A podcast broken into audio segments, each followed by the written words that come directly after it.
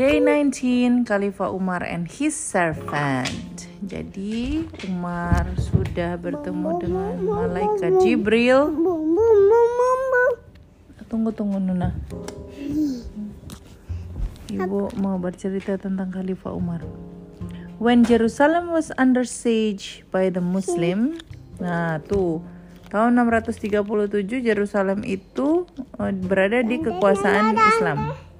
And the mighty Byzantine, nah itu Byzantium ya, army was defeated. The Christian insisted that the Caliph himself must come and sign the peace treaty. Nah, dia bilang, mereka bilang harus ada yang tanda tangan treaty-nya. Therefore, a letter was sent to the Caliph to explaining this. On receiving this letter, Umar left Medina for Jerusalem, which only with only one servant and one camel. As he left the city, he said to his servant, We are two, and the mount is one. If I ride and you go on foot, I shall be doing you an injustice. If we both ride, that will be injustice to the camel. So we better take it in turns to ride. Therefore, turn by turn rode and went on foot, and then they would both go on foot for some time to give the camel some rest. Jadi dia jalan, tukeran, kadang-kadang servantnya di atas, kadang-kadang dia yang naik, kemudian mereka jalan berdua sambil narik camelnya.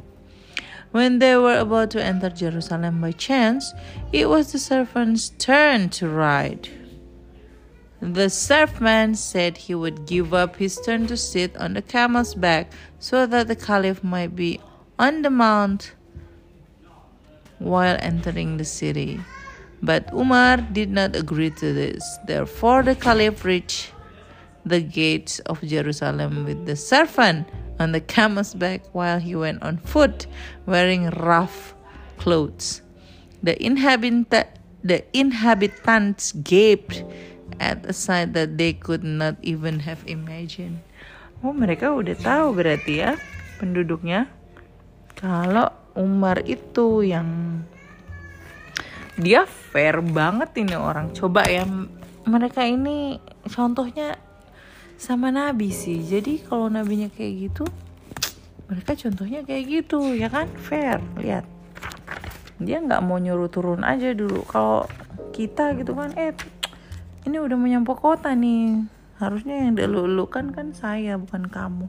Tapi Umar nggak mikir sampai kayak gitu dong. Hmm. Oke okay, day 20 this is the last for this night. Amalia kayak diburu-buru gitu ya padahal harusnya kemarin 5 sekarang 5 gitu ya. Besok kita pelan-pelan aja. The Justice of Umar Day 20 Amr Ibnu al-As was the governor of Egypt during Umar Khalifah. Jadi Umar itu di Mekah, kemudian di Egypt itu Amr. One day the governor organized a horse race in which his own son Muhammad ibnu Amr ibnu al-As also took part. However, in the race, the horse of the Copt ini is apa Kristen Koptik ya non-Muslim beat the horse of the governor's son. The Copt expressed his joy and this hurt the governor's son. He lashed the Copt with his whip, saying, "Take that! I am the son of a nobleman." Ih, jahat banget masa dia dicambuk. The Copt came to Madinah, the capital, and complained to Umar.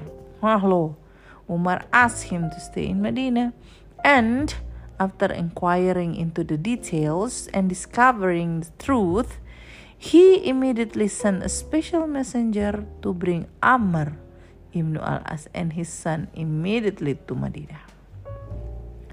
When Amr ibn al-As and his son arrived in Medina, they were both brought before the Caliph.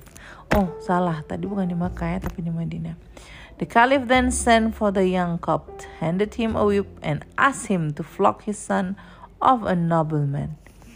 The Copt did so, and went on flogging him until he felt that injustice that justice had been done. Then the Caliph asked him also to flog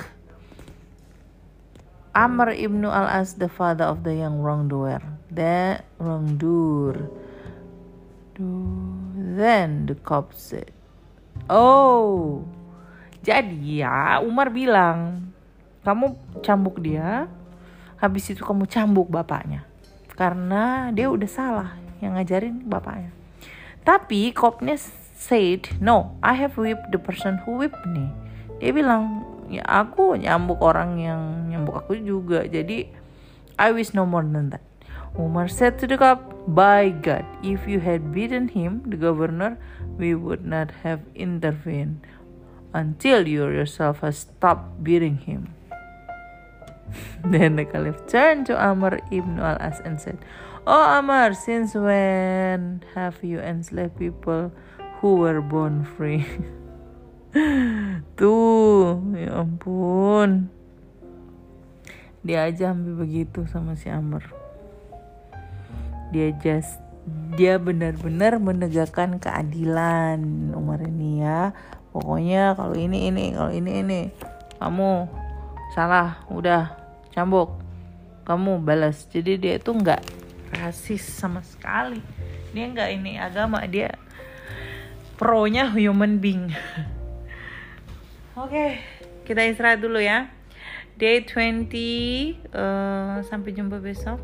Istirahat dulu gimana? Udah dua nih sahabat Nabi. Jadi udah tahu ya runutannya sahabat Nabi Abis Abu Bakar kemudian Umar.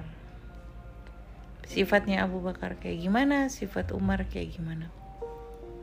Umar tuh orang yang suka meledak-ledak ya kan? Karena dia tinggi gede gitu. Tapi dia hatinya lembut. Gitu.